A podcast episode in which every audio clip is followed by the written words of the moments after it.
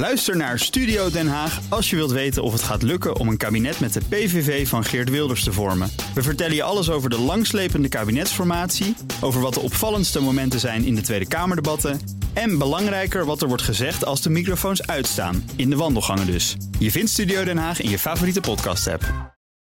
De column van Marianne Zwagerman. De regering heeft een speciale ontheffing voor ze opgenomen in de avondklokregeling.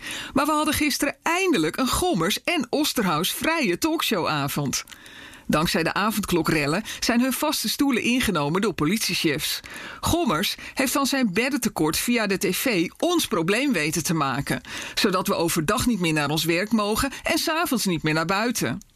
Nu moeten we aanhoren dat de politie het zo druk heeft met railschoppers dat demonstreren tegen het coronabeleid er niet meer bij kan. Of nou ja, je mag demonstreren, maar alleen op een plek waar niemand het merkt. Femke Halsema zei gisteren in op één triomfantelijk: er was nog een demonstratie die wel vreedzaam is verlopen, waar je dus niks van weet. Ja, dat is nou net niet de bedoeling. Het kabinet is nog maar net gevallen vanwege grove schending van de rechten van burgers en het om zeep helpen van de rechtsstaat. Maar politici lijken alweer vergeten dat niet wij, maar zij iets moeten veranderen.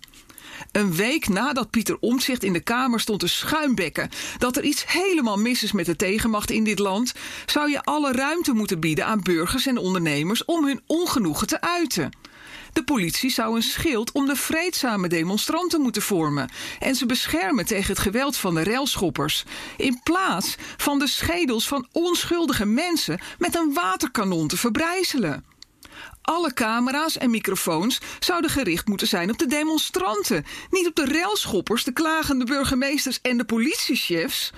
Media hebben weer meer oog voor de ophef dan voor de inhoud. En zo smeult het vuur van de onvrede door. De avondklokrellen komen in een historisch rijtje met de krakersrellen uit de jaren 80 en de bouwvakkersrellen uit de jaren 60. Toen draaide het om oneerlijke beloning en een tekort aan woningen. Problemen die nu ook al jaren spelen en zwijgzaam worden geïncasseerd.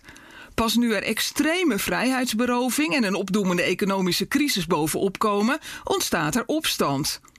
Die bouwvakkersrellen gingen de geschiedenisboeken in als de telegraafrellen.